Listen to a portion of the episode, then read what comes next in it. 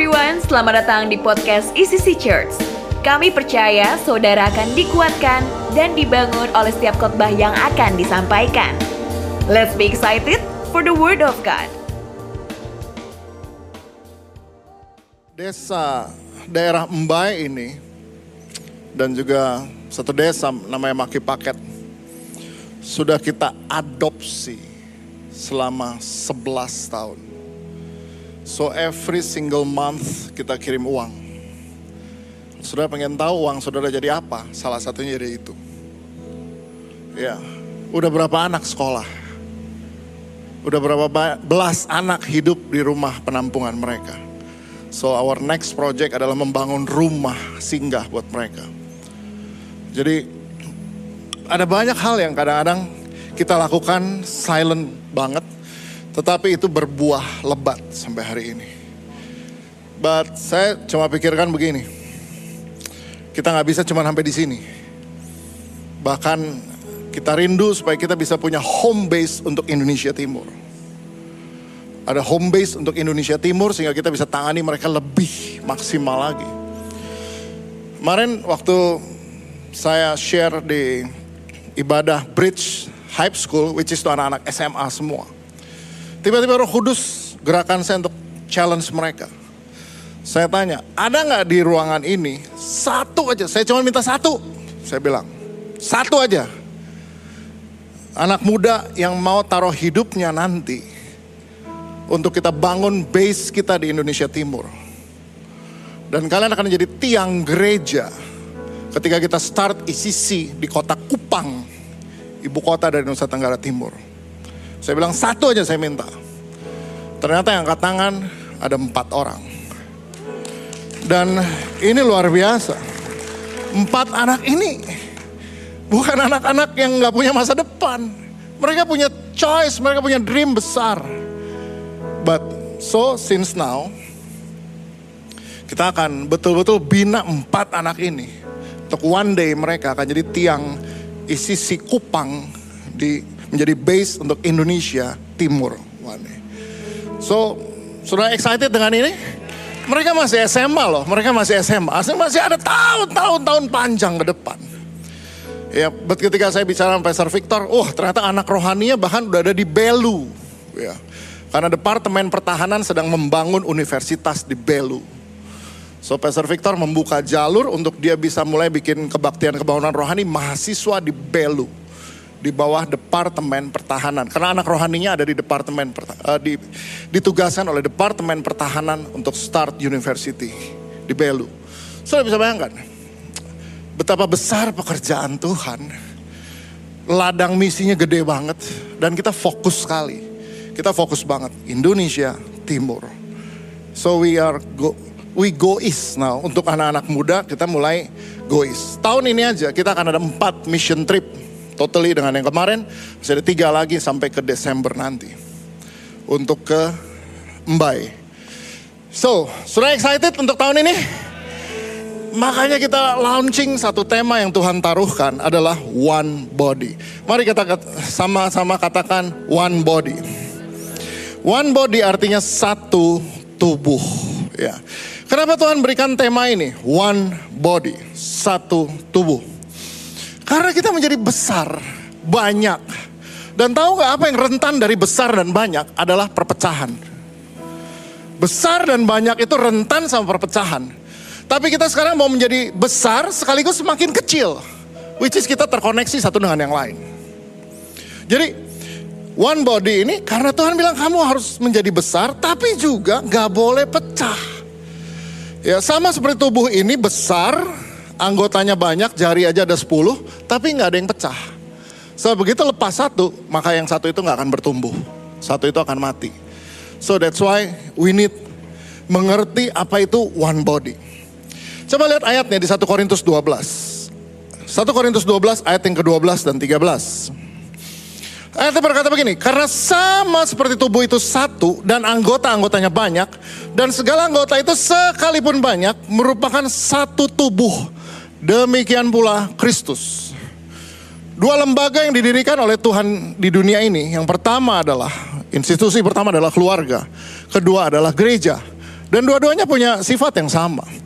Nah, baik gereja maupun keluarga itu sebut sebagai tubuh Kristus. Dan especially gereja di ayat 13 dibilang begini, sebab dalam satu roh kita semua, baik orang Yahudi maupun orang Yunani, baik budak maupun orang merdeka, telah dibaptis menjadi satu tubuh dan kita semua diberi minum dari satu roh. Saudara, apa-apa problem dalam gereja? Ter, ini di jemaat Korintus, ini juga menjadi problem.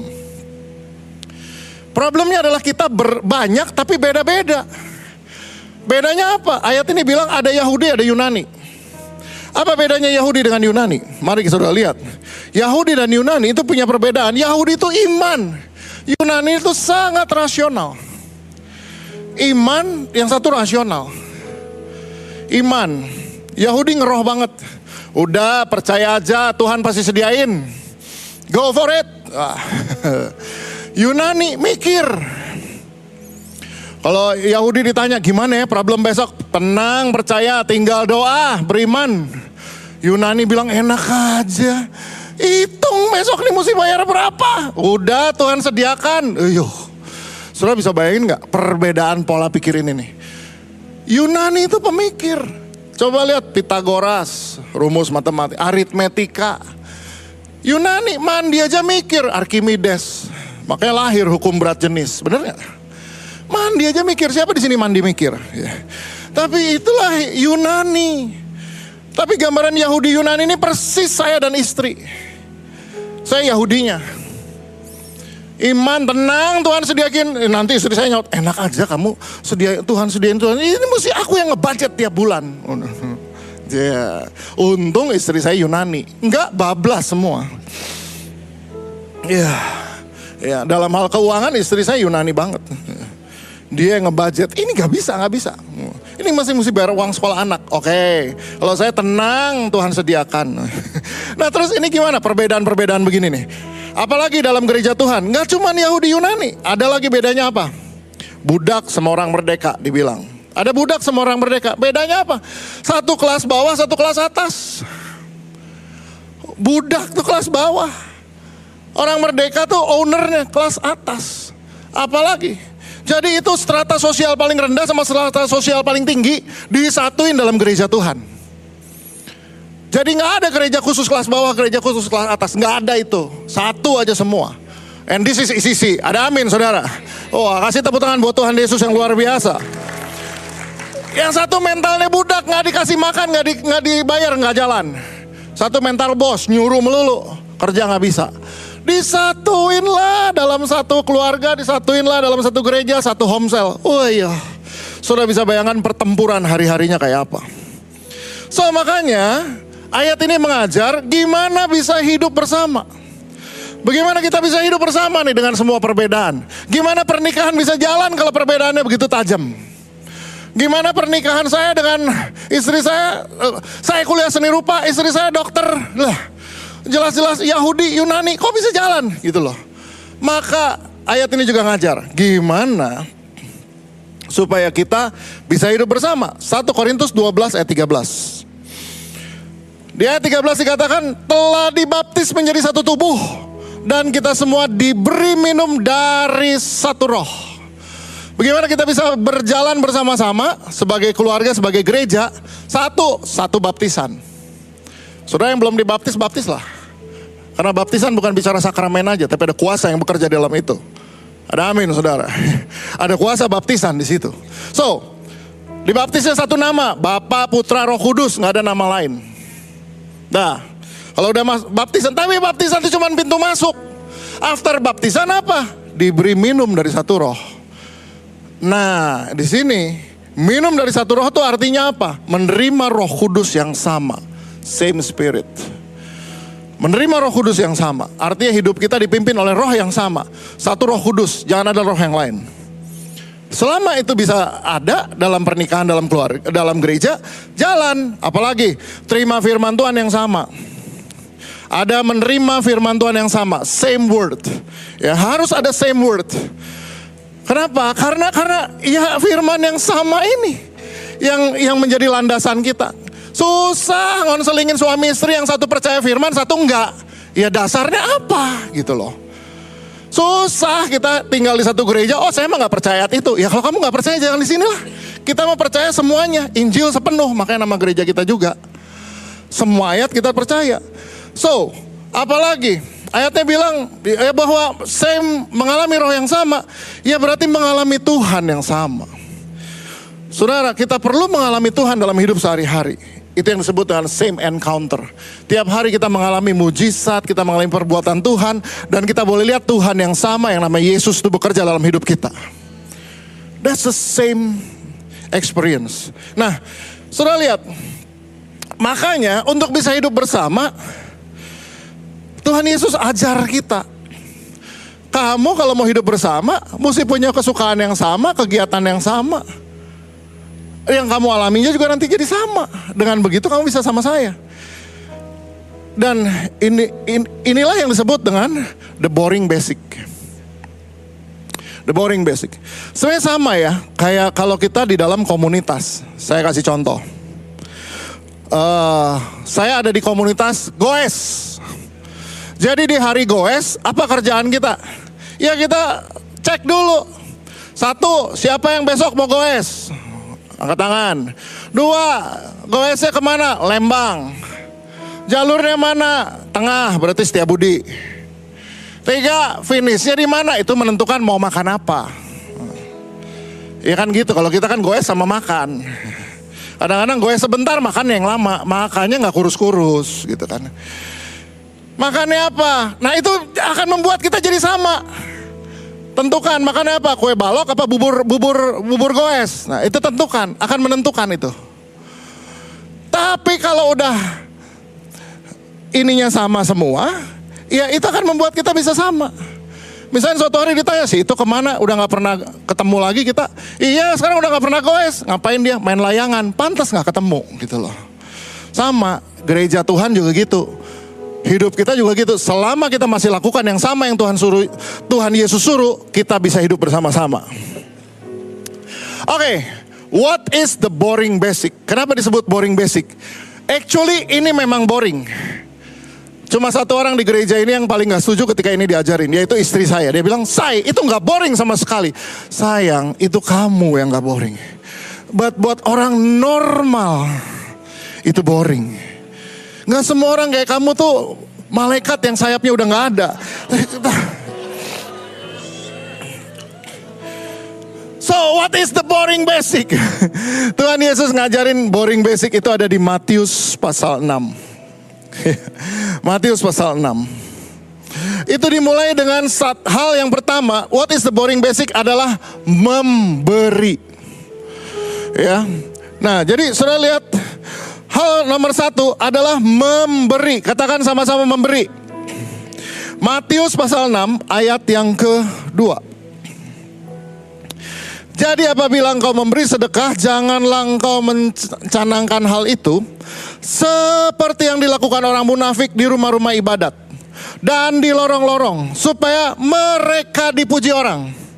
Aku berkata padamu, sesungguhnya mereka sudah mendapat upahnya. Sudah lihat ayat ini. Tuhan Yesus nggak lagi mengecam orang Farisi, orang Saduki, orang munafik itu karena do, tempat doanya, bukan tempat doanya, tapi motivasi doanya.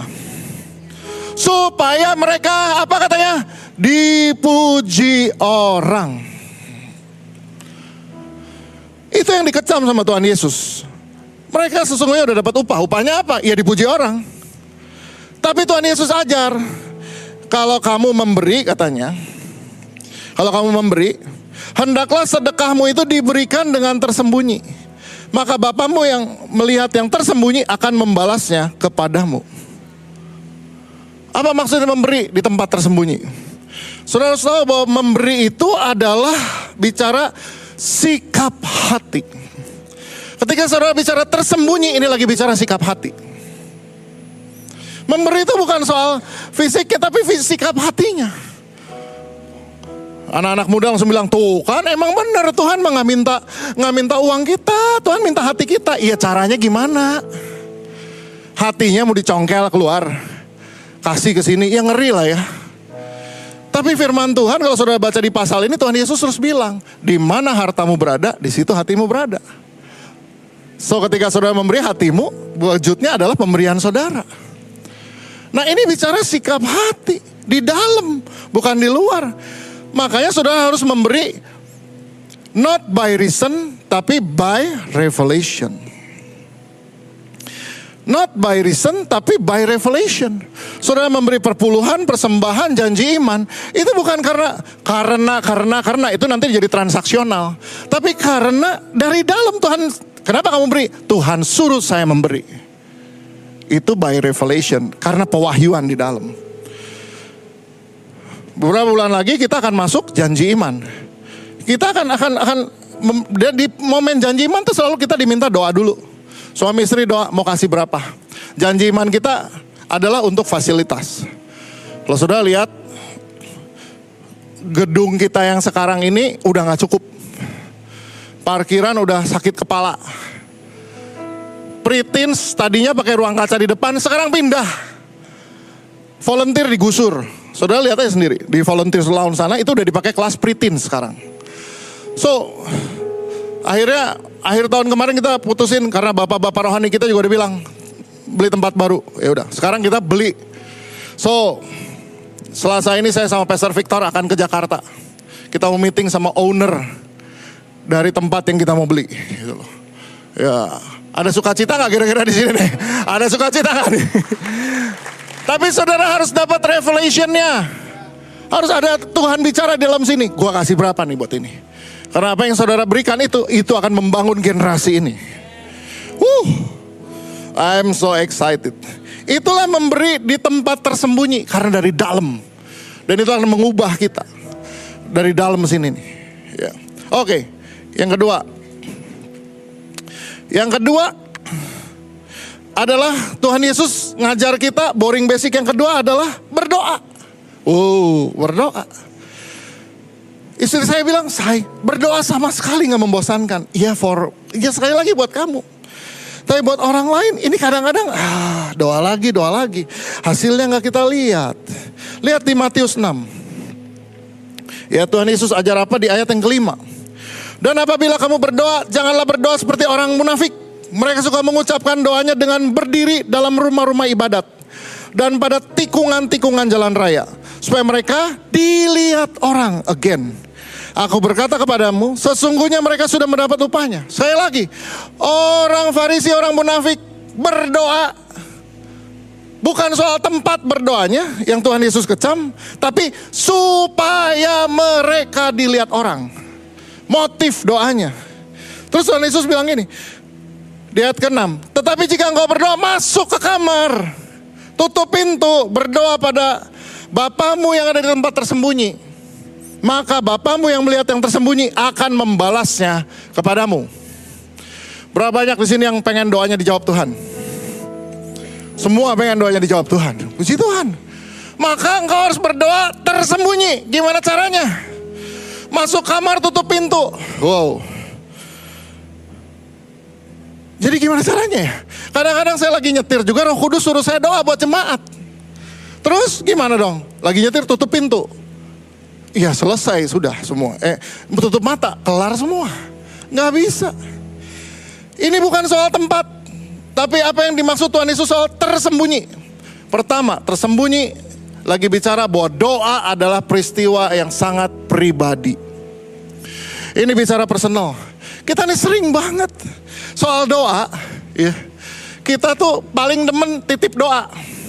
Doain ya, doain ya doain ya, doain ya. Karena rasanya tenang gitu kalau udah ngomong sama 10 orang gitu loh.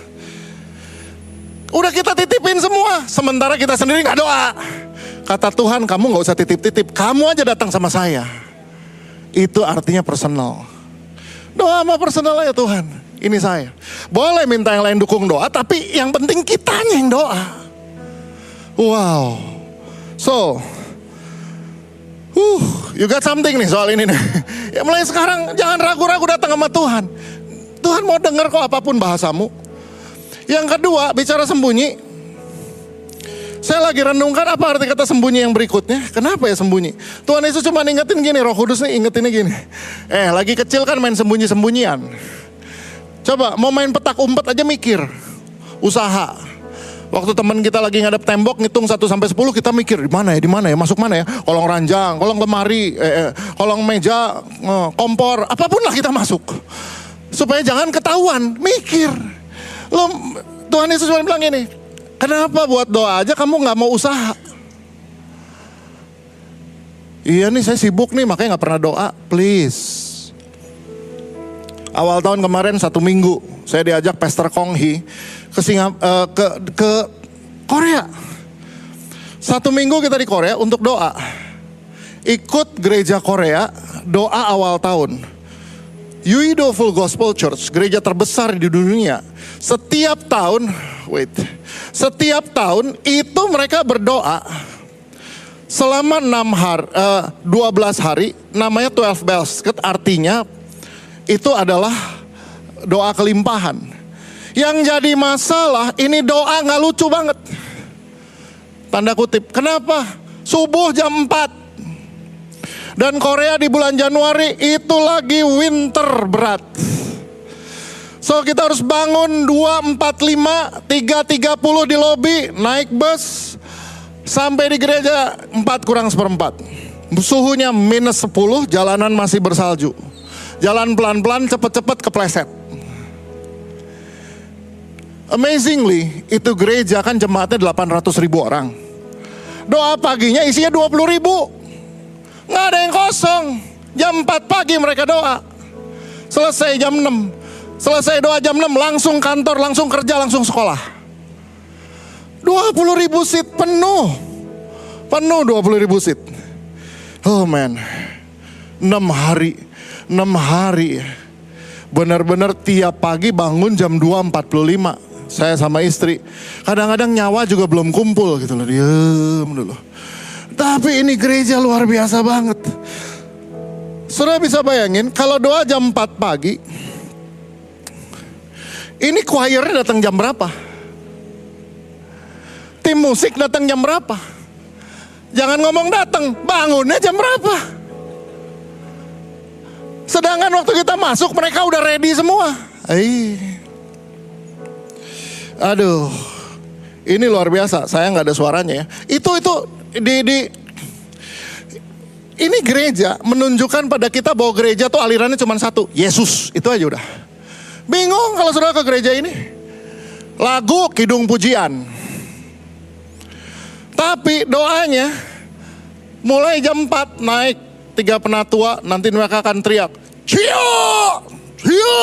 Cio! Artinya Tuhan, Tuhan, Tuhan. Langsung mereka doa dan bahasa roh 45 menit. Lagu kidung pujian, doa bahasa roh 45 menit. Gereja apa ini? Gereja Yesus, itu aja udah. Habis itu masuk worship leader sama singer 15 menit. Kita praise and worship.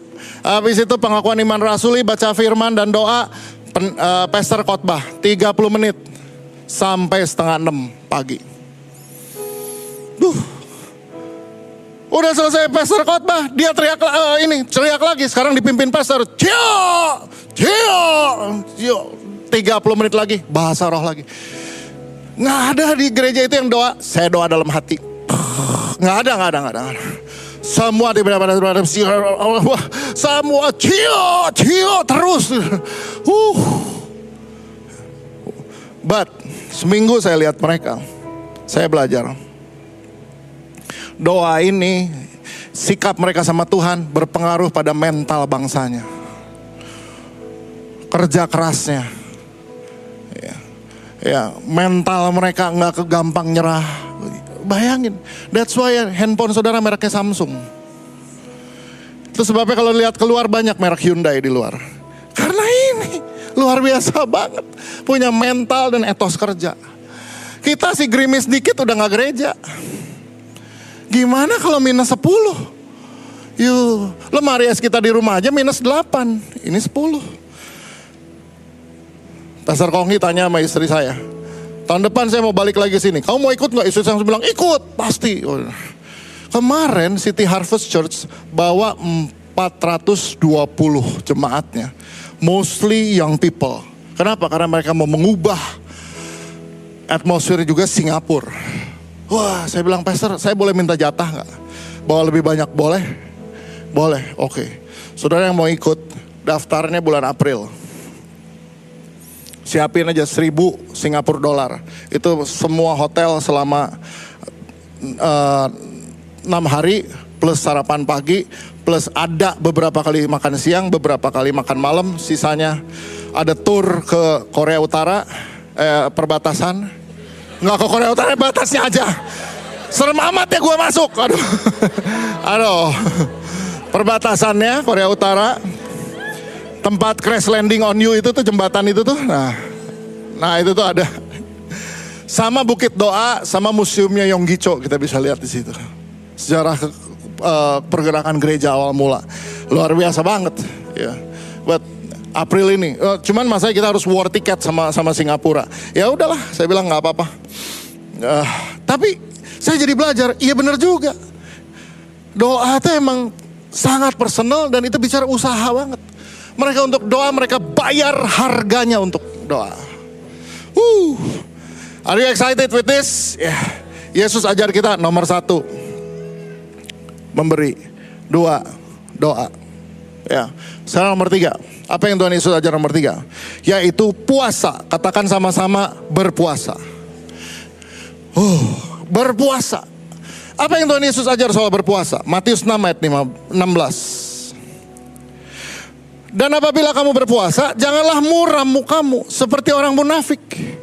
Mereka mengubah air mukanya supaya orang melihat bahwa mereka sedang berpuasa. Aku berkata padamu, sesungguhnya mereka sudah mendapat upahnya. Tapi apabila mereka berpuasa, minyakilah kepalamu dan cucilah mukamu. Supaya jangan dilihat orang bahwa engkau sedang berpuasa. Melainkan hanya oleh Bapamu yang ada di tempat tersembunyi. Maka Bapamu yang melihat yang tersembunyi akan membalasnya kepadamu. Kata Tuhan Yesus kalau puasa nggak usah ngerubah muka. nggak usah rubah kerjaan. Sampai orang jadi nanya, kenapa kamu lagi puasa? Oh ya. Alah biasa aja lah, be aja lah gitu kalau lagi puasa tetap mandi, tetap bagus, tetap kerja bener gitu loh. Dan Tuhan Yesus bilang, Bapamu yang tersembunyi yang lihat kamu puasa, itu akan balas sama kamu. Lihat, memberi dibalas, doa dibalas, puasa dibalas. Tapi puasanya tersembunyi. Apa sih puasa tersembunyi? Puasa yang tersembunyi itu lagi bicara mengubah yang di dalam. Tersembunyi itu berarti bicara mengubah yang di dalam. Yang di dalam dirubah, bukannya makanan yang dirubah, sekedar mengubah makanan. Banyak kali kita puasa sibuk mengubah makanan, sibuk yang ditanya bukanya jam berapa, bukanya jam berapa. Ih, bukan itu yang diurus. Dalamnya berubah nggak? Puasa tuh bicara menekan hawa nafsu dan keinginan, kedagingan ini nih. You know what? Kadang-kadang ada yang lebih berat daripada makan. Bulan Mei ini saya akan ikut satu retreat yang belum pernah saya ikutin dan saya nggak tahu saya bakal lolos apa enggak. Tapi saya sama istri saya akan ikut satu retreat namanya Silence and Solitude. Diadakan di Singapura oleh City Harvest Church Singapura. Pastor Konghi bilang kamu sama istri ikut. Iya. Empat hari tiga malam silent and solitude. Suami istri pisah kamar. Nggak boleh bicara selama empat hari tiga malam. Handphone, gadget, taruh semua di panitia. Kita cuma boleh pegang Alkitab sama buku catatan. Istri saya langsung bilang, yakin kamu sanggup?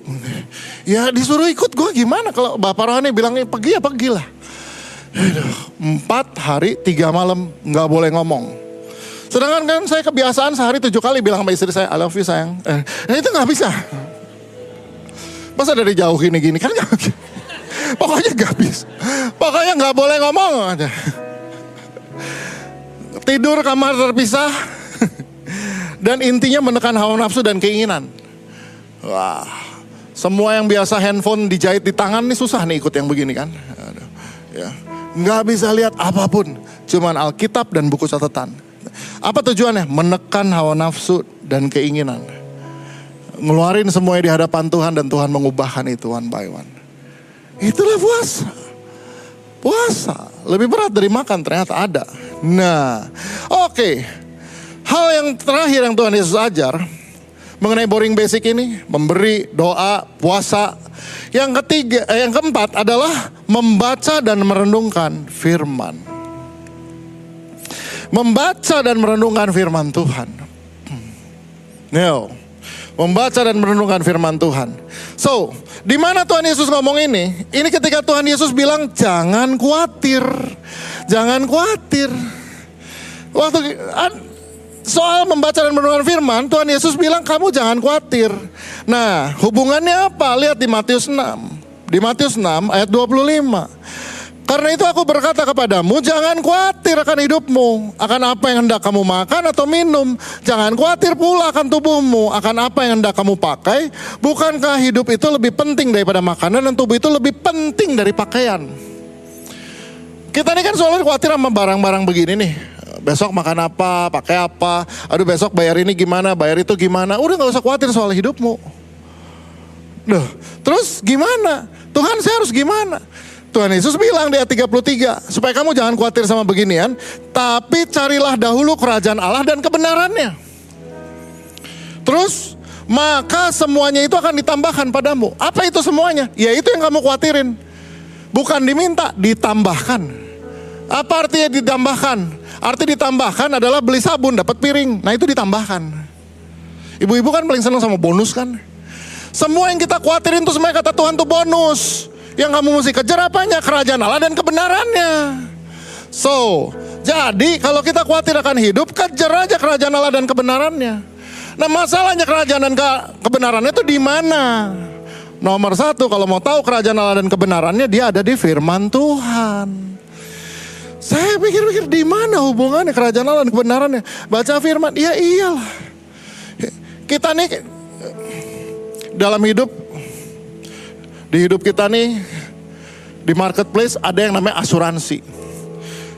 Kalau saudara punya asuransi, saudara bisa jadi lebih tenang. Oh ya, kalau ada apa-apa ada asuransi. Mobil gitu ada asuransinya. Apa ada asuransi? Supaya kalau ada apa-apa kan ada asuransinya. Tapi saudara harus baca apa aja yang di cover sama asuransi. Nah sama ketika kita udah baca cover, asuransi cover ini lebih tenang. Ya udah nggak apa-apa nyetir juga kalau ada apa-apa kan nanti di cover asuransi. Sama dalam hidup juga saudara perlu baca firman karena di situ ada 8000 lebih janji Tuhan. Saudara bisa tahu apa aja yang di cover Tuhan dalam hidup kita. Tapi kalau nggak pernah baca, yo, tahu dari mana apa aja yang di cover. Terus bingung sendiri, aduh ini gimana, aduh gimana, baca tuh firman. Di situ udah dibilang, Allahku akan mencukupkan segala keperluanmu. Apa yang dicukupkan? Keperluan. Bukan keinginan. Keperluan. Selama itu keperluan Tuhan cukupkan. Menurut apa? Kekayaan dan kemuliaan. Di dalam Kristus Yesus. So, supaya nggak khawatir gimana? Baca firman. Bilang kiri kanan baca firman dan renungkan. Baca firman dan renungkan. Ini empat boring basic. Memberi, berdoa, berpuasa, baca firman dan renungkan. Nah saudara harus tahu firman itu, firman Tuhan itu efeknya apa? Kebenaran yang memerdekakan. Saudara harus tahu firman Tuhan itu adalah kebenaran yang memerdekakan. Lihat Yohanes 8 ayat 31 32. Maka katanya kepada orang-orang Yahudi yang percaya kepadanya, Jikalau kamu tetap dalam firmanku, kesimpulannya tetap baca firman daily. Kamu benar-benar adalah muridku. Siapa murid Tuhan? Baca firman. Dan renungkan itu. Dan kamu akan mengetahui kebenaran dan kebenaran itu akan memerdekakan kamu. Lihat sini. Ada dua proses. Mengetahui kebenaran dan kebenaran yang memerdekakan. Oke, saya kasih contoh. Kalau saya pegang botol air ini dan saya baca ada tulisannya, air minum dalam kemasan.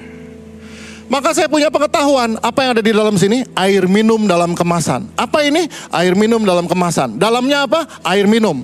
Tapi itu pengetahuan buat saya. Kalau ditanya, isinya apa? Air minum. Tahu dari mana? Kan gue baca. Tapi suatu hari ketika saya buka air minum ini, saya minum. Maka saat ini kebenaran eh pengetahuan sudah berubah menjadi kebenaran. Kenapa? Karena saya mengalami benar ternyata ini air minum. Tahu dari mana? Udah diminum. Serius ini air minum, bener. Hmm. Itulah kebenaran. Kapan pengetahuan berubah jadi kebenaran? Ketika kita mengalaminya. So, jadi buat saudara penting mengetahui kebenaran dan kebenaran memerdekakan. Kapan kebenaran itu memerdekakan? Waktu kita mengalaminya. Saudara dengar firman soal apa? Misalnya soal memberi, dengar soal perpuluhan. Udah ngalamin belum? tingkap langit dibuka. Penting tuh ngalamin itu. Ya, soal kesembuhan, udah ngalamin belum? Kalau udah ngalamin, itu akan jadi kebenaran buat kita. Oh, apalagi banyak soal penyediaan sehari-hari gimana Tuhan hubungan yang dipulihkan, udah ngalamin belum? Kalau udah ngalamin, itu udah jadi kebenaran. Ya, jadi ketika kita udah ngalamin, mau diserang kayak apa juga kebenaran tuh nggak pernah goyah. Saya udah kasih perpuluhan dari tahun 1987. Saya udah mengalami di pelihara Tuhan dari 18 1987 sampai hari ini. Ya mau TikTok ngomong apa, YouTube ngomong apa terserah. Saya sih udah tahu ini kebenaran. Gak pusing. Gitu Sama. Soal Yesus saya mengalami dia kok. Nah jadi saudara perlu mengalami yang namanya kebenaran itu yang memerdekakan. Nah firman yang hidup akan memerdekakan kita dari kekhawatiran, ketakutan, kutuk, dosa, dan keterikatan. Kalau saudara ngalamin firman yang hidup, kapan dia hidup? Waktu saudara ngalamin. Tapi kapan ngalaminnya kalau baca aja nggak pernah. Saya bilang sama anak saya yang kecil, Gidi yang umur 12 atau SMP. Saya bilang, saya beliin kamu Alkitab ya gitu. Saya beliin Alkitab yang bagus yang covernya kulit. Simpen itu itu biar jadi Alkitab yang kamu simpen sampai tua. Artinya kalau dia udah tua saya udah nggak ada gitu loh. Saya bilang tiap terserah mau sebelum tidur atau se pagi baca aja satu pasal. Baca aja. Tandain. Besok baca lagi sepasal. Terus aja gitu terus. Seumur hidup kamu gituin aja. Nggak ngerti, nggak apa-apa. Yang penting udah baca. One day, ketika kamu mengalami sesuatu dalam hidupmu, Roh Kudus ingetin, kan ada di ayat. Kan ada di ayat. Tapi kalau nggak pernah baca, apa yang mau diingetin? Kalau nggak pernah kita baca, tahu dari mana 8000 lebih janji Tuhan. Mulai hari ini baca dan renungkan firman Tuhan. Bilang kiri kanan baca. Oh, baca. Aduh pagi-pagi yang dibaca horoskop. Yang gak usah heran hidupmu jungkir balik. Come on. Udah terakhir. Mengapa kita harus one body? Mengapa kita dalam keluarga, dalam gereja harus one body? Arti one body itu terkoneksi satu dengan yang lain. Kenapa harus begitu? Dan kita udah lihat bahwa kalau mau bersama-sama terus, ya harus sama-sama. Kehidupannya yang kita bangun. Kegiatannya, kesukaannya ya doa sama, firman sama, puasa sama, memberi sama. So, kenapa harus begitu?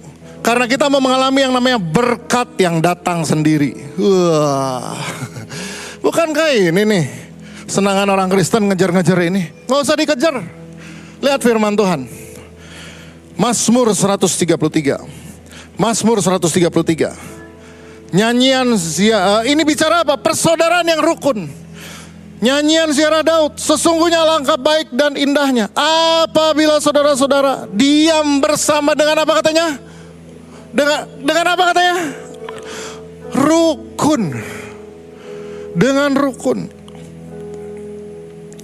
Dan kerukunan itu dibilang ini seperti minyak yang baik di atas kepala meleleh ke janggut, yang meleleh ke janggut Harun dan yang ke leher jubahnya.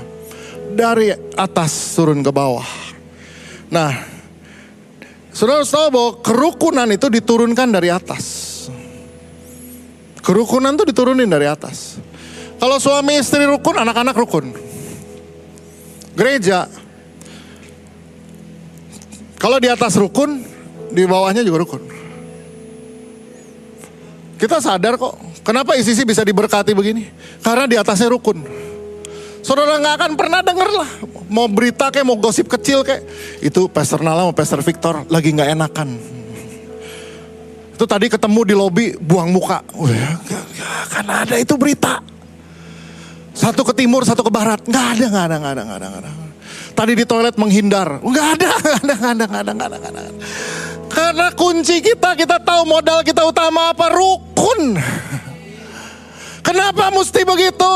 Karena mari kita lihat ayat tiganya. Serat, Mazmur 133 ayat 3. Kita lihat dan baca sama-sama ya. Baca sama-sama dengan suara keras. Yang mau ini terjadi dalam hidupmu baca sama-sama dengan suara keras. Dua, tiga. Seperti embun gunung Hermon yang turun ke atas gunung-gunung Sion. Sebab ke sanalah Tuhan memerintahkan berkat. Kehidupan untuk selama-lamanya. Lihat berkat diapain katanya? Diperintah. Bagian kita apa? Rukun. Rumah tangga, suami istri, bagiannya apa? Rukun. Bagiannya rukun. Karena begitu kita rukun, Tuhan bilang berkat pergi ke situ. Malaikat bawain berkat ke situ. Bagian kita hidup rukun.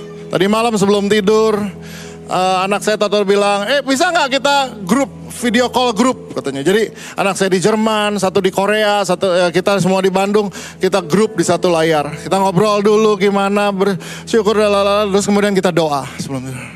Itulah yang dibuat. Dan kita rasa bahwa yes, benar Tuhan berkati hidup kita. And this is ECC. Why kita harus one body? Supaya berkat Tuhan diperintahkan ke situ. Berkat Tuhan diperintahkan. Dan kita bisa jalan sama-sama selama kita ikutin apa yang Yesus suruh sama-sama. Apa tadi? Memberi, berdoa, berpuasa, baca firman dan merenungkan. Lakukan yang Yesus suruh, maka kita bisa jalan sama-sama. Istri saya punya tips ya, dia bilang gini. Setiap kali aku kesel sama kamu, kata istri saya ini loh. Ini kata dia loh ya. Setiap kali aku lagi kesel sama kamu, aku tahu berarti aku lagi kurang doa.